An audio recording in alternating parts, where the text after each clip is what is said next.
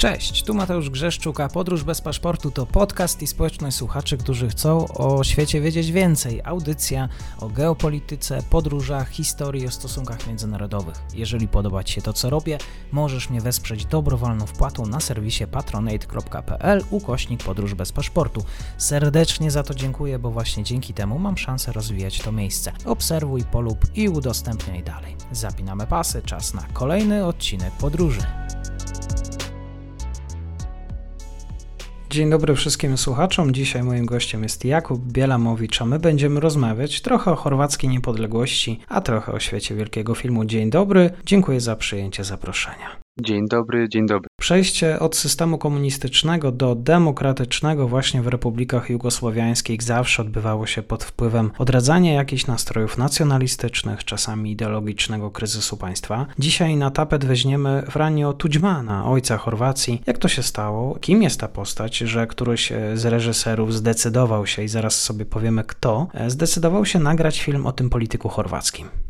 Franjo Tudźman to bez wątpienia wielka postać chorwackiej polityki i także już chorwackiej historii, bo od 23 e, lat nie żyje. To jemu stawia się we współczesnej Chorwacji pomniki, to jego imieniem nazywa się lotniska, tak jak chociażby to w Zagrzebie. Bo Franjo Tudźman to dla Chorwatów bez wątpienia mąż stanu, mąż stanu, który poprowadził ten kraj na początku lat 90. najpierw do niepodległości, a potem przeprowadził ten kraj przez czteroletnią wojnę z wojskami Jugosławiańskiej Armii Ludowej i także separatystycznej Republiki Serbskiej Krajiny. Była to wojna o utrzymanie spójności terytorialnej nowo powstałej Chorwacji. Przypomnę tutaj tylko słuchaczom, że serbska kraina to, to ta część środkowa e, Chorwacji, położona wzdłuż granicy z Bośnią i Hercegowiną, która jeszcze 30 lat temu była głównie zamieszkiwana przez chorwackich Serbów. Chorwackich Serbów, którzy nie godzili się na powstanie niepodległej Chorwacji. Chorwacji niezależnej od federalnej Jugosławii ze stolicą w Belgradzie. I dlatego na tym oto terenie chorwaccy Serbowie stworzyli sobie para państw. Republikę Serbskiej Krain, która w latach 91-95 nawet całkiem z powodzeniem funkcjonowała, bo stworzyła swoje struktury e, państwowe, mimo że nie była uznawana tak naprawdę przez nikogo. I Chorwaci, na czele z prezydentem Tudżmanem i generałem Antegotowiną, dopiero po czterech latach odbili serbską krainę. I stało się to dopiero po słynnym, dość długo przygotowywanym Blitzkriegu o kryptonimie Operacja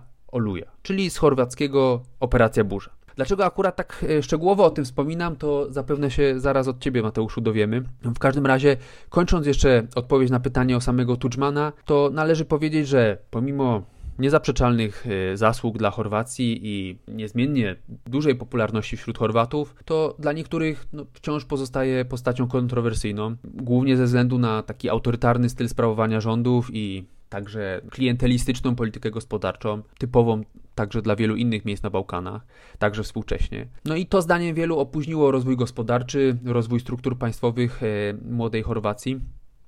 No ale miejmy tutaj świadomość, no, w jakich warunkach funkcjonował Franjo Tudżman w latach 90. No, w warunkach nowo powstałego państwa, które błyskawicznie wpadło w kilkuletnią, dość brutalną wojnę, która koniec końców kosztowała e, życie aż 20 tysięcy istnień ludzkich. Nie są to warunki, możemy się chyba zgodzić, nie są to warunki sprzyjające demokratycznym reformom, rządom prawa.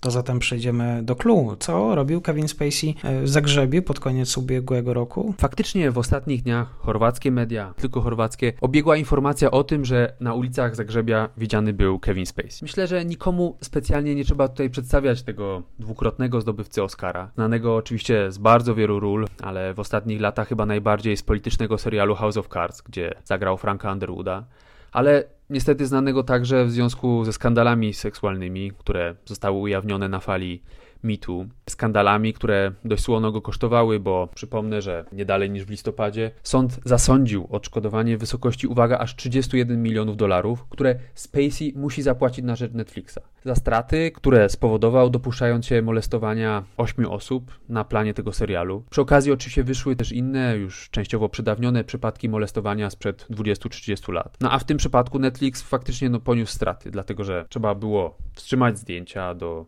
ostatniego e, sezonu tego serialu, przepisać jego scenariusz, no a w efekcie okazało się, że trzeba było także skrócić ten sezon ze zwyczajowych 13 odcinków do 8. I faktycznie pojawiły się od razu pytania, co Kevin Spacey robił w Zagrzebiu. Jak się okazało, no, przyjechał nie tylko powitać Nowy Rok w stolicy Chorwacji, ale przyjechał przede wszystkim na zaproszenie chorwackiego reżysera Jakowa Sedlara, który przygotowuje obecnie film o Franio Tudżmanie, o którym właśnie rozmawialiśmy. Dlatego, że w tym roku, dokładnie 14 maja, przypada setna rocznica urodzin Tudżmana i w ten sposób filmem reżyser chce uhonorować tę ważną dla Chorwatów postać. Z tego co wiemy, film ma się nazywać Burza Tudżmana, właśnie w nawiązaniu do słynnej operacji Burza, której politycznym architektem był Tudżman i którą chociażby w zarysie starałem się przedstawić wcześniej. No a sam Kevin Spacey co? No, zapewne po pierwsze próbuje odbudować swoją zdemolowaną karierę aktorską, no a po drugie, jak myślę, zarobić na odszkodowania, które musi płacić teraz. Zastanawiam się teraz, co na ten film powiedzą sami Serbowie. Oczywiście Serbowie nie są zadowoleni z tego, że powstaje film będący laurką dla Tudżmana, który w ich oczach przecież odpowiada za wypędzenie aż 200 tysięcy chorwackich Serbów z serbskiej krainy na początku lat 90. po rozpadzie Jugosławii. No ale w mediach społecznościowych śmieją się z tego, że jego rolę ma zagrać właśnie upadły aktor Kevin Spacey, co wielu Chorwatów no, przyjęło także z zażenowaniem, no bo w rolę ich bohatera narodowego ma się wcielić skandalista seksualny. Niebawem się pewnie przekonamy, co koniec końców z tego wyjdzie. Daty premiery filmu na ten moment jeszcze nie znam. Kevin Spacey musiał zapłacić producentom 31 milionów dolarów, właśnie producentom House of Cards. Wcześniej, z tego co się orientuje, jeszcze w połowie ubiegłego roku pojawiła się informacja, że zagra detektywa we włoskim filmie. Produkcja z Zagrzebia będzie kolejnym etapem powrotu aktora, który stara się po trzech latach wymazać z pamięci wszystkich aferę ze swoim udziałem. Dziękuję serdecznie. Dzisiaj moim gościem był Jakub Bielamowicz.